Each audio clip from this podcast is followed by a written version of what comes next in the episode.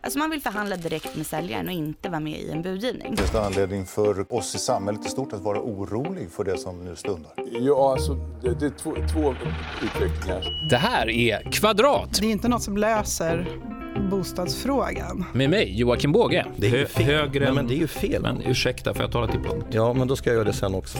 Och Petra Bergman. Det känns inte så härligt att höra ja men bostadssituationen blir bättre men jag har fortfarande inte bostad. En podd från EFN, Ekonomikanalen. Ja, coronavirusskräcken breder ut sig brett, börserna skakar, men folk behöver fortfarande någonstans att bo. Ja, de gör väl det. Och det har ju vi stort fokus på i den här podden som vanligt. Och idag så har vi bjudit in Lena Fahlén bland annat som är analyschef på Handelsbanken med ett globalt perspektiv. Och vi ska prata lite grann om bostadspriser och hur räntan kan tänkas röra sig framöver. Och sen så ska vi fortsätta att blicka framåt och prata om framtidens bostäder. Och det gör vi med Lotta Sjödin, strategisk och innovations och utvecklingsledare. Ja, stämmer bra. Säger jag rätt va? På Ikano Bostad. Välkommen! Tack. Och vi börjar med att vända oss direkt till Lena då. Ja, eh, coronaskräcken breder ut sig. Hur påverkar det här bostadspriserna? Ja, det är ju jättesvårt att säga, för vi är just i det här att vi inte riktigt vet. Det, på, liksom, det beror ju på hur stor blir den här spridningen, hur länge håller det på.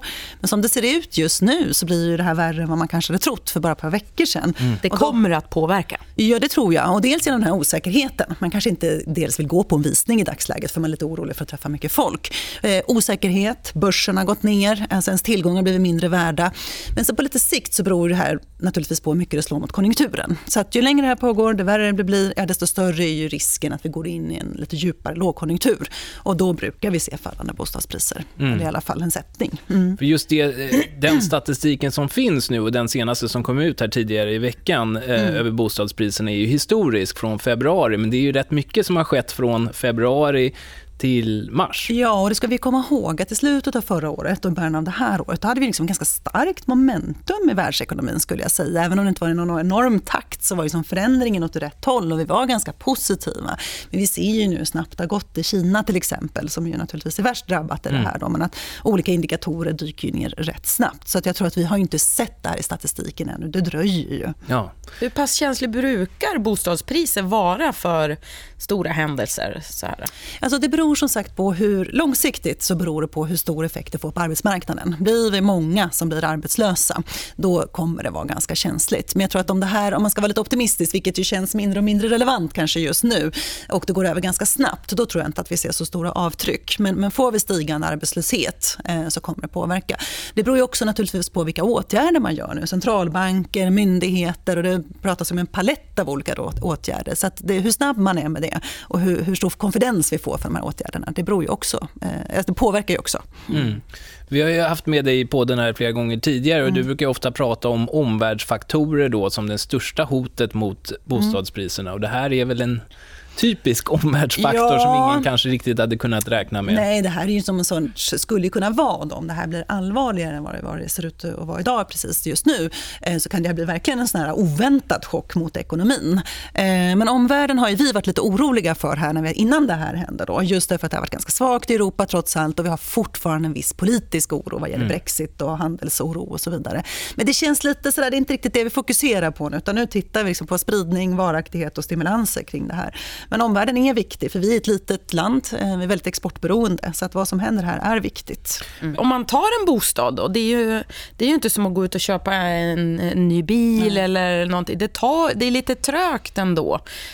Finns, hur lång tid kan man säga att det tar innan en bostad säljs och köps egentligen?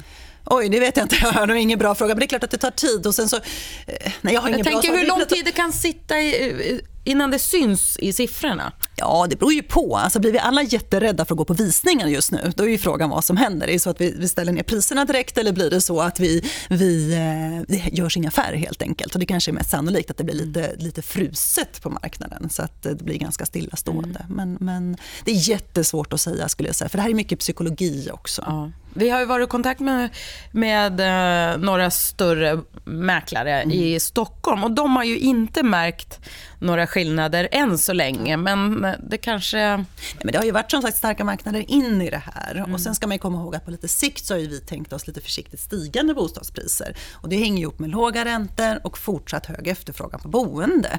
Eh, så de krafterna finns ju kvar. Det här kommer ju gå över. Sen är ju frågan hur lång tid det tar. Så att de krafterna finns ju kvar. Men just här och nu så tror jag att man ska vara lite försiktig med att göra prognoser, för vi vet inte. Om man ska titta lite rent konkret då på vad det är som påverkar bostadspriserna så att folk kanske eh, som inte har helt 100% koll förstår det, så är det väl en sak är väl liksom, som du nämnde, arbetsmarknaden. Alltså, blir man av med jobbet så är det ju svårt att få ett banklån mm. överhuvudtaget och köpa någonting. Eh, så att det blir ju såklart en begränsande faktor då. Eh, och sen så är det de psykologiska faktorerna, så att även om man har pengar och så har liksom börsen gått ner kraftigt och så där så kanske man inte vill eh, köpa något dyrare eller investera eller liksom röra om för mycket i sin privatekonomi just då, utan sitta lugnt i båten. Eh, och sen så just med corona så är det ju då ännu flera effekter som beroende på att man kanske inte kan resa eller vill gå på visningar mm. eller mm. någonting annat. När, hur ska man liksom agera i en, i en sån här marknad rent generellt, tycker du? Vi brukar ju säga att man ska sitta still i båten när det är stökigt, men det är, jag tycker att det är svårt att säga. Vi är ju mitt Om båten sjunker. Ja. ja, precis. Nej, men alltså, vi är ju mitt i det här. Nu tror ju jag att myndigheter och centralbanker kan göra allt i sin makt för att man vill inte att det här ska bli en ny lågkonjunktur som vi såg 2008.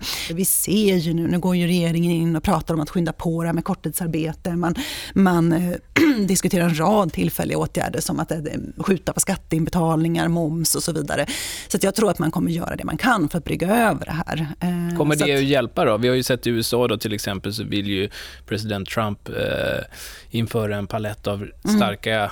kraftiga grepp kan man väl säga. Eh, också som, understry eh, som understyrks då av att det är presidentkampanj och då vill man ju gärna stimulera ekonomin som sittande president. Och hur, hur kommer alla de här sakerna påverka? Eh, nej, men jag tror att det beror som sagt på hur länge det här håller på. Eh, om man gör det till exempel att, nu, nu, att man ser till att företag har tillgång på krediter, att folk inte blir, att man kanske kan göra olika typer av korttidsarbetslösningar och annat så att folk inte blir av med jobben. Mm. Och det här sen går över. Då. Jag menar, någonstans kommer vi hitta ett vaccin och vi, vi kommer att bli immuna eller hur det nu blir då. Eh, ja, men då kommer det att hjälpa. Men om det här pågår så pass länge, som sagt att folk verkligen börjar varsla, säga upp folk och det här tar liksom längre tid, eh, då, då tror jag att det blir, då, då, då kommer det bli en djupare lågkonjunktur. Och fördröjning av att man får uppskov med att betala in skatt och sånt, det mjuknar ju ner själva toppen. Att det liksom gör som en liten bromskudde. Ja, eller liksom en brygga. Att nu ja. går vi ner här och sen så har vi en brygga som ser till att företag inte går omkull i det här. För det är det det handlar om, att se till att de får likviditet här nu eh, och att folk kan behålla sina jobb. Eh, så får vi en brygga till när det här har vänt, vänt uppåt igen, för det, det, det kommer det att göra. Men som sagt, ju längre tid det här tar så blir det liksom svårare att bygga den här bryggan. Och sen det är klart att när det här är över då kan man ju säkert göra massa andra riktade åtgärder också. Men just nu handlar det om att säkerställa att företag får tillgång till likviditet och lån och låga räntor. Sen ska vi komma ihåg, vi ser ju nu ganska kraftiga räntesänkningar. Vi får ju se vad Riksbanken gör, men vi ser det som väldigt sannolikt att även här så sänker man räntorna. Ja, precis. Det var, skulle vara min sista avslutande fråga här på allas tunga nu. Folk som sitter och tittar på sina bolåneräntor och undrar vad de ska göra och så där. Du säger sitter lugnt i båten.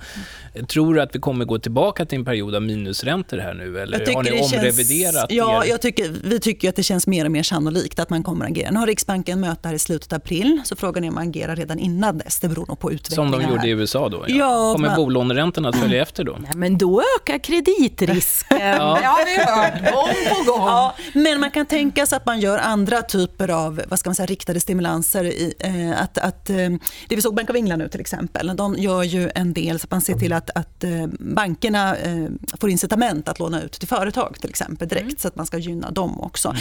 Så jag tror centralbanker och eh, regering och kommer göra det man kan för att stötta upp det här. Och låga räntor, det får vi nog eh, räkna med. Och jag tror att Riksbanken kommer agera här eh, i linje med andra centralbanker och det kommer ju vara stö stödjande. Mm. Men allting, det är som sagt, man får vara med att det är ett väldigt osäkert läge nu och mycket hänger ihop med hur långvarigt det här blir. Mm. Vi ska gå vidare och prata lite grann om Bostadsskolan som eh, Jocke har skrivit på Storytel tillsammans med EFN. Och du har ju lite tips och tricks, ganska mycket att komma med.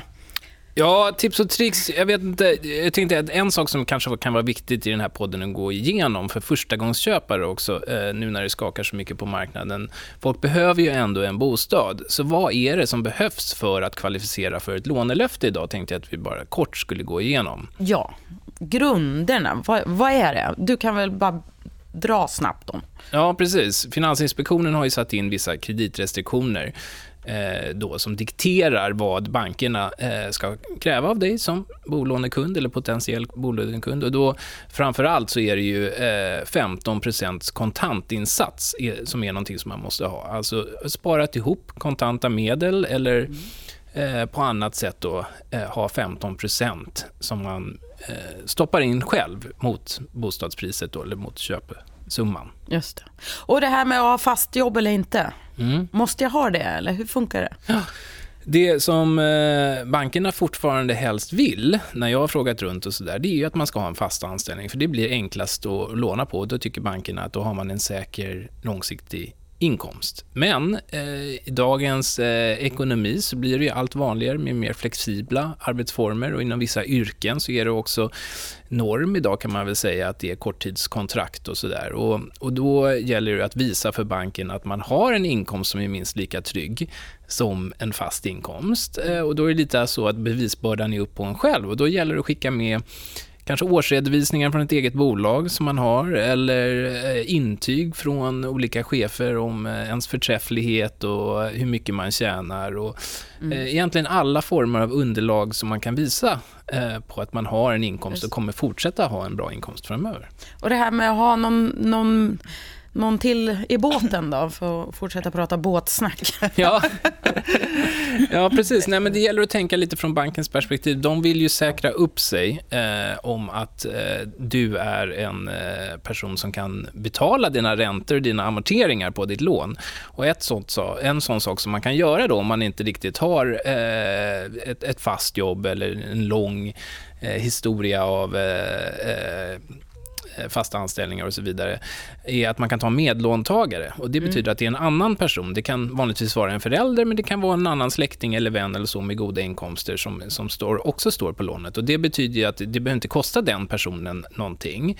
Eh, men risken är ju då att eh, om du inte skulle betala dina räntor och amorteringar och så vidare, så blir den personen då betalningsansvarig för dig. Men det kan ju vara ett sätt, man kan ju ta bort det från lånet vid ett senare tillfälle också, men det kan vara ett sätt att komma in på marknaden marknaden att ge banken den säkerheten i osäkra tider och mm. underlätta deras beslut att bevilja ett bostadslån. Just det. Så om man blir tillfrågad att bli medlåntagare ska man ändå vara lite försiktig för rätt vad det är så kan man sitta där med. Ja, man ska nog känna den personen Ganska rätt, rätt, rätt väl. Ja.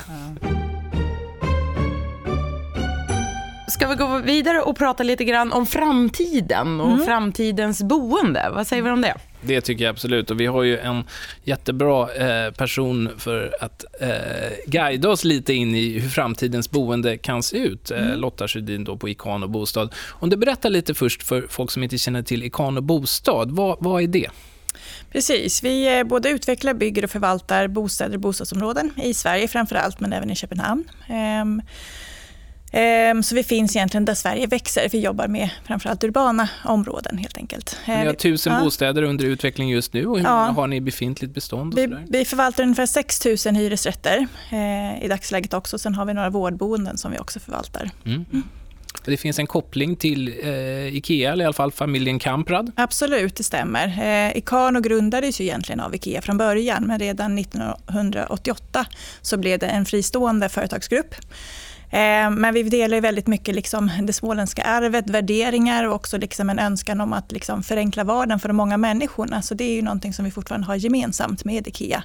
Även om vi som företag är ett liksom fristående eh, företagsgrupp helt enkelt. Och jag tänker mig att de flesta som kanske kommit i kontakt med ert varumärke har mm. gjort det genom IKEA, bland annat därför att ni står för vissa finansieringslösningar om man ska finansiera ett kök och sådär. Ja, precis. Ikano, Ikano Bank gör ju det, det stämmer. Och det var ju där det började med Ikano. Eh, men så absolut. Så kopplingen tror jag finns där varumärkesmässigt, så förväntar man sig att det finns ett samarbete och en koppling mellan Ikano och IKEA. Absolut. Mm.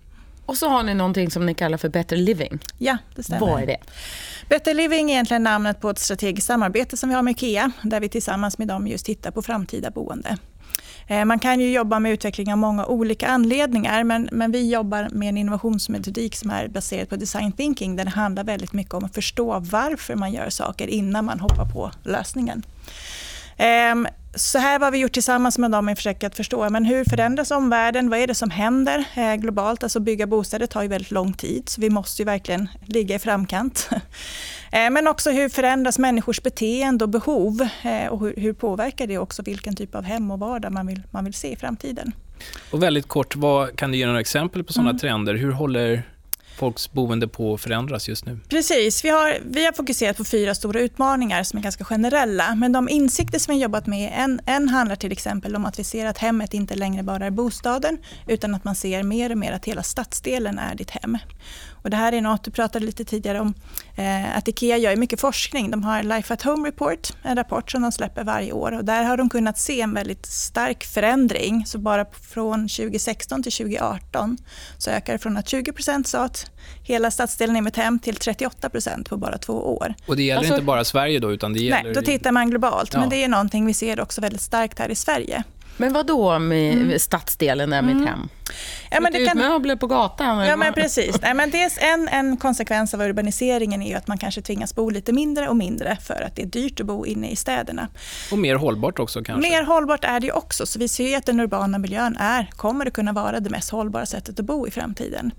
Eh, men också när det då blir mindre och mindre så kanske du tvingas flytta ut vissa funktioner utanför hemmet. Eh, och mycket tack vare den digitalisering vi ser så har du väldigt mycket med dig på fickan i din mobil. Det som var fysiskt förut, böcker, eh, DVD-skivor, videoapparater, jag vet inte. Allt sånt har du mycket som streamingtjänster idag och har med dig var du än är. Så att du kan liksom känna dig hemma även när du är ute på stan, sitter på ett café och så vidare. Och det har slagit hårt mot bokhyllan Billy. Ja, men absolut. Om man tittar på sortiment och också vad behöver vi förvara i en bostad så, så ser vi att det är ganska mycket som vi faktiskt inte längre behöver ha rent fysiskt i bostaden. Eh, och på så sätt kan ju bostaden också minska faktiskt. Och du ser ju även att förvaring och sånt kan du också ha som en tjänst istället för att du har ett förråd och så vidare. Så det där påverkar ganska mycket eh, hur en bostad ska se ut och just var är ett hem? Är det bara i den privata bostaden eller är det någonting som är gemensamt för vissa? Eller är det i utrymmen som är för alla? Men jag har en fråga kring det då, för alla bor ju inte i urbana miljöer. Det finns Nej. ju ändå rätt många, framförallt i Sverige, som mm. bor ute i glesbygden. Mm. Där är det ju kanske rätt svårt att, att eh, ja, vara en del av stadsdelen så att säga, om det inte finns en granne inom två mil? Nej men precis, och vi jobbar ju framförallt med urban utveckling för vi ser att dels så är det en global trend att urbaniseringen är ju otroligt stark globalt men också i Sverige så ser vi en urbanisering. I Stockholm har vi en otrolig inflyttning och ett underskott på bostäder. Eh, så det är där vi framförallt är verksamma. Sen finns ju såklart de som inte bor i urbana miljöer och då blir ju inte de här sakerna kanske lika tydliga. Mm. Men jag menar det digitala är ju fortfarande lika relevant för dem att de har mycket med sig på fickan. Sen, sen har de kanske längre till sina grannar men men vi ser ju också att det här med det urbana och densiteten är ju någonting positivt. Det kan vara något otroligt positivt för ett mer hållbart boende. Eh, men det är många saker som vi behöver göra annorlunda. Kan... Är, det, är, det, mer unga som tar till sig det här eller kommer det över hela... Um, nej, alltså många brukar säga det att Åh, alla unga är så digitala men jag skulle säga att det är ganska generellt idag. Eh, och det urbana också är också generellt att man vill kanske bo, många kanske när barnen har flyttat hemifrån flyttar tillbaka in till stan och så vidare. Så det här med att det är bara unga som bor i städer och, och i digitala, det, det vet jag inte riktigt om jag håller med i. Eh, men sen så kanske man är mer nyfiken och i andra frågor så kanske man är ganska traditionell också. Mm. Eh, så inte alltid så mycket kopplat till ålder utan kanske mer till livsstil och hur man, hur man lever och, och verkar. Mm. Hur, hur rent konkret mm. tar ni ut de här lärdomarna i Ikon och bostad i er egen bostadsutveckling? Ja, men vi tittar på många saker. Dels det här med att när man som bostadsutvecklare så jobbar man ju traditionellt väldigt mycket med det fysiska erbjudandet. Liksom huset, bostaden, bostadsområden. Men vi ser ju att det här digitala är någonting som vi måste jobba med väldigt parallellt. Så där gör vi några exempel där vi testar just hur det digitala gränssnittet kan hjälpa våra människor att, att dels lära känna varandra bättre i ett bostadsområde men också leva mer hållbart. Vi vill ju att människor ska mötas eh, IRL fysiskt för att vi tror att man blir tryggare och trivs bättre om man har bättre koll på de som bor i närområdet. Eh, men vi ser att det digitala gränssnittet är otroligt effektivt. Det är en möjliggörare verkligen för att skapa fysiska möjligheter. För det är mycket lättare att ta kontakt med andra människor via ett flöde till exempel, än att gå och knacka på alla dörrar. Eh, så här ser vi att eh, med det här sättet så kan vi se att människor börjar prata med varandra, med sina grannar, på ett jättebra sätt. Så ni på Ikano Bostad mm. har appar för boende i era... Absolut, så vi gör det nu. Vi har testat i flera av våra BRFer, så det vi har inte implementerat överallt riktigt än, eh, men vi ser otroligt positiva effekter av det. Eh, så dels så, så, kan det handla om att man så kontaktar sina grannar och säger hej, jag bor i den här trean, hur har ni inrett? Jag vet inte hur jag ska göra. Eller något annat som säger så här, åh jag flyttade men jag fick en besiktlåda över, är det någon som vill ha den? Mm. Kom och hämta. Eller vi har gäster på fredag, kan någon låna ut en parkeringsplats? Eller jag mm. behöver hjälp att vakta min hund eller barnvakt. Så mycket som an, eh, anslagstavla kan ja, man säga. precis. Men det digitala gör det ju så himla mycket enklare. Eh, och vad vi vill ju är att ja, när den där bestickslådan, när någon ska komma och hämta den, då går du faktiskt hem till någon. Du knackar på, du vet var de bor, du får ett ansikte, du pratar med den personen. Så nästa gång så vet du faktiskt vem som mm. bor bakom den här stängda dörren. Eh, och det är det som vi är ute efter. Plus att det blir mycket mer hållbart att, att kunna dela mer på, på de resurser som vi har. Både fysiska, men även kanske det här med tid. Att kunna hjälpas åt lite mer i vardagen. Känns, mm. känns också som att det blir en, en varmare Eh, känsla i hela bostadsområdet. Då. Ja men absolut, det är ju vår förhoppning. Sen är det klart att det kan komma upp så här, vem är det som har ställt sopor utanför sopnedkastet och sådana saker också. Mm. Men samtidigt så är det sånt som kanske behöver ventileras och att ja, men det är inte okej okay och nu måste vi ta tag i det. Eh, men det är Tvättstugelapparna blir ja. virala. Ja, absolut. Men, men vi ser ändå att det liksom har otroligt positiv effekt och vi har försökt att se så här, men hur mycket måste vi styra eller liksom nudga för att det här ska komma igång. Men vi har sett att det är ganska naturligt så kommer de här liksom, diskussionerna mellan de boende på ett sätt som är väldigt intressant. Har ni någon moderator som är där och tar bort? Ja, men till en början måste man kanske vara det. Sen mm. man tänker en, en, BRF så är det ju kanske ofta styrelsen som får gå in och liksom, eh, följa upp det där lite grann. För det är klart att det inte får ha hot och kränkningar och sådana saker. Så att, eh, det är ju en liksom, risk mm. att det, att det liksom spårar. Men jag tror det är ganska lätt så kan man ändå få få kontroll på det lite grann. Mm. Jag tänker också att eh, ekonomiskt sett mm. så finns det både hållbarhetsmässigt och ekonomiskt, så har vi pratat här i podden lite tidigare mm. om co-living och mm. eh, den typen av eh, delningslägenheter kan man väl mm. säga. Men där kan man ju se att man kan effektivisera bort en del av ytan i hemmet som du pratade om mm. genom appar och då är det inte bara bokhyllan och dvd-skivorna och böckerna som försvinner, utan även tvättjänster. Mm. Köken kan bli mindre om man eh, använder shared kitchen och eh, catering-appar och delivery-appar och så vidare. Eh, och, och, en hel del. Hur, har ni tittat någonting på hur, vad är den ultimata bostadsytan som en människa vill ha? För man vill ju ändå inte kanske bo i en garderob. Nej, men vi ser att delningsekonomin är en otroligt intressant, ett intressant fenomen som verkligen är en viktig pus pusselbit i att skapa liksom mer hållbart livsstil för människor i framtiden. Eh, och det kan handla om, men det är bra för planeten, vi, vi, vi mer hushåller med de resurser vi har, men det är också bra för plånboken och vi vill ju försöka nå de många människorna. Eh, men det är också bra socialt tror vi, för att det kanske tvingas till att man behöver mötas lite grann. Eh, men sen är det en del friktioner kan det bli, så här, men tänk om något går sönder och så vidare. Så att vi är fortfarande ganska tidigt i det här för att få det att funka funkar bra. Men där behövs ju dels alla de här liksom prenumerationstjänsterna eh, som redan finns på många kommer på mer och mer. Man börjar lisa bilar och allt möjligt och även som Ikea då jobbar med att man börjar hyra ut möbler. Att de här behoven kommer ju, för helt plötsligt när du har ett kök som ska delas av många, vem äger då det? Eh, hur ser vi till att det fungerar över tid? Så det här är otroligt intressant. Eh, men tittar man på co-living så kan vi säga att vi, vi tillsammans med KIA tittat egentligen på tre stycken co-living-koncept, men som alla baseras på någon typ av delning. Men där vissa kanske vänder sig till singelhushåll, för där ser vi otroligt stora utmaningar med, med ensamhet till exempel mm. Eh, och psykisk ohälsa, eh, både i Sverige men globalt. Så hur kan vi få människor att, att liksom, må bättre genom att bo tillsammans med andra? Men också kanske för boendetyper där det är två familjer som delar och så vidare. Så vi tror att det behövs liksom en, en, större variation. Idag är det ju ganska traditionellt liksom vanliga bostadstyper. Eh, men att vi behöver en bredare flora just för att det är väldigt personligt. Vad vill jag dela med andra? Vad vill jag inte dela? Hur mycket privat vill jag ha? Och, och sådär. Så Men känner du att det går en trend från ägande till hyra eller access också? Som du nämnde att Ikea och prenumerationsmöbler. Vi ser ju att det finns ju en trend i samhället i övrigt att Mm. man ska dela på saker och ting som bilpooler och cykelpooler och elskotrar. Och, kommer det påverka Alltså jag kan ju tycka att hyresrätten är en betydligt mycket modernare upplåtelseform egentligen. Och just det här att det, till, att det ingår ju tjänster i en hyresrätt. Du har ju förvaltning och så vidare och, och fastighetsskötsel och sånt. Så egentligen skulle jag säga att det är den mest moderna bostadsformen om vi tittar på Problemet är ju utvecklingen bara att det inte finns tillräckligt med dem. Nej, men, men, men om man säger så, just det här med att, att, att, det också att, man kan, att det finns en enkelhet i det. Men sen så är det väldigt traditionellt idag. Det är ju framförallt bostadsrätter, det kommer lite äganderätter och så vidare. Men, men här finns ju en otrolig möjlighet också att titta på nya typer av finansiering och upplåtelseformer. Så om man vill ta del i någon av eh, era bostäder, då, Mm. eh, få, få eh, hyra en bostad, en hyresrätt av er Mm. eller någon, ta del i någon av de här delningslägenheterna eller någonting Mm. som ni experimenterar med. Hur ska man göra då? Vad hittar man? Alltså, våra hyresrätter finns ju uppe på vår hemsida, så där kan man ju gå in och registrera sig. Ehm, En bostadskö har ni där alltså? Ja, precis, för hyresrätter. Kostar det något att stå där? Eller? Ehm, nej, Mm. det blir jag lite osäker, men jag tror faktiskt inte det. Mm. Ehm, men så det är ju öppet för, för de som vill att ställa sig där. Sen, sen är det ju som sagt i Stockholm jättesvårt att få en bostad helt enkelt. Så är det. Ehm, men, men sen så är det ju annars liksom framförallt bostadsrätter som vi säljer. Ehm, och där är det ju, alltså vad som är bra med det är att det är fast pris. Ehm, det kan ju vara något som, som, som lättar många, men sen är det ju kanske en ganska hög tröskel.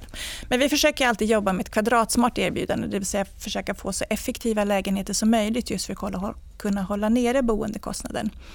Ehm, men fortfarande att det ska vara en otroligt bra och funktionell lägenhet. Så att vi, vi har ju vissa lösningar också där man tittar på mer flexibilitet i bostaden som något som heter flexrum till exempel. Det är ett extra rum som du, du fäller ut när du behöver det med hjälp av en rörlig vägg. Så istället för att ha ett extra rum, ett sovrum ska vara sju kvadrat, så tar den här bara två kvadratmeter. Så det är också ett sätt att verkligen kunna hålla nere i bostadsytan så mycket som möjligt, men också skapa smartare lösningar, men också ett mer flexibelt hem, där du faktiskt kan anpassa det lite efter, efter dina behov. Så Men det, Någonting för funkar bonusfamiljer det? kanske? Hur funkar Ja. det att du fäller ut en, dörr, eller en, vägg? Precis. Nej, men det, är, det är dels en, en fast del med en, en, en sängskåp och förvaring. Och sen är det en rörlig del som har förvaring i sig som du flyttar med en knapp. Så det här är något som vi har till försäljning i två projekt. Eller vi har sålt ett projekt i Gustavsberg och ett i Haninge. Eh, Men det är någonting som vi nu tittar på att få ut på alla våra marknader. Ehm, Så det är, ja, är en ny lösning som vi kallar för flexrum helt enkelt. Men eh, som sagt, bonusfamiljer är en, som, eh, en familjetyp som vi ser. Eh, Vi ser att var fjärde barn i Sverige har föräldrar som inte lever tillsammans. Och det är någonting som vi märker väldigt mycket. Vi gör hembesök hos våra kunder så att när folk har flyttat in så besöker vi dem också efteråt för att se hur funkar det att leva och bo i den här bostaden. Vi vet liksom hur man bygger enligt alla regler och sånt som finns, men hur funkar det att bo och leva i den? Eh, så det är jätteintressant och där ser vi just många ensamstående föräldrar och sånt som verkligen brottas med att få ihop sin vardag för att hitta lösningar som, som, som deras ekonomi tillåter men som också fungerar med deras vardag. Mm. Men tittar vi på de som har köpt de här flexlägenheterna då så är det dels eh, ett ungt par som var, så här nyfikna och tyckte att det var kul med någonting nytt och spännande. Eh, och ett annat var ett lite äldre par som hade ett barnbarn som kommer och sover ibland. Eh, så att de behövde liksom ett extra rum men inte hela tiden. Eh, och med hjälp av den här lösningen så kunde de hitta liksom ett, ett flexibelt sätt för att lösa det. Mm. Så, att, eh, så det är också någonting som vi tittar på. Så vi jobbar som sagt både med det, fysiska och det digitala men sen också med stadsutveckling. Och där har vi jättespännande projekt i Malmö där man tittar just på hållbar stadsdelsutveckling. Alltså hur måste en hel stadsdel eh, utvecklas och, och planeras för att skapa och, och liksom framtidssäkras för en hållbar livsstil framåt. Ja, stora frågor. Mm. Vi måste börja runda av där lite, men Lena, jag tänkte, är det här någonting du ser generellt sett också? Alltså en trend mot hållbarhet, bo, mindre boendeformer, mer flexibla boendeformer? Ja, hållbarhet ser vi ju jättetydligt och det som du Mm. pratar om urbanisering ser Mm. vi ju också jättetydligt och inte bara i Sverige utan Nej. i många delar av världen. Man, man, man, man vill gärna liksom ha den här drömmen om livet på landet men sen när man väl bor så bor, så bor man liksom urbant. Så att, eh, och jag tror att det här med att liksom bo smart och på mindre ytor det är väl dels då också hållbarhet men också att det är så dyrt att bo idag så att du måste göra det så effektivt du bara kan. Mm. Och just nu med corona, desto fler människor som jobbar hemifrån, då kanske en sån här flexlösning skulle vara bra. Man kan ha hemmakontoret som man liksom anpassar. Absolut. Och med det så är det dags att runda av det här avsnittet och vi tackar Lena Fahlén, global analyschef på Handelsbanken. Tack för att du kom hit. Och tack för att du kom hit Lotta Sjödin från Ikano Bostad. Tack så mycket. Vi som gjort det här programmet är Petra Bergman och Joakim Båge.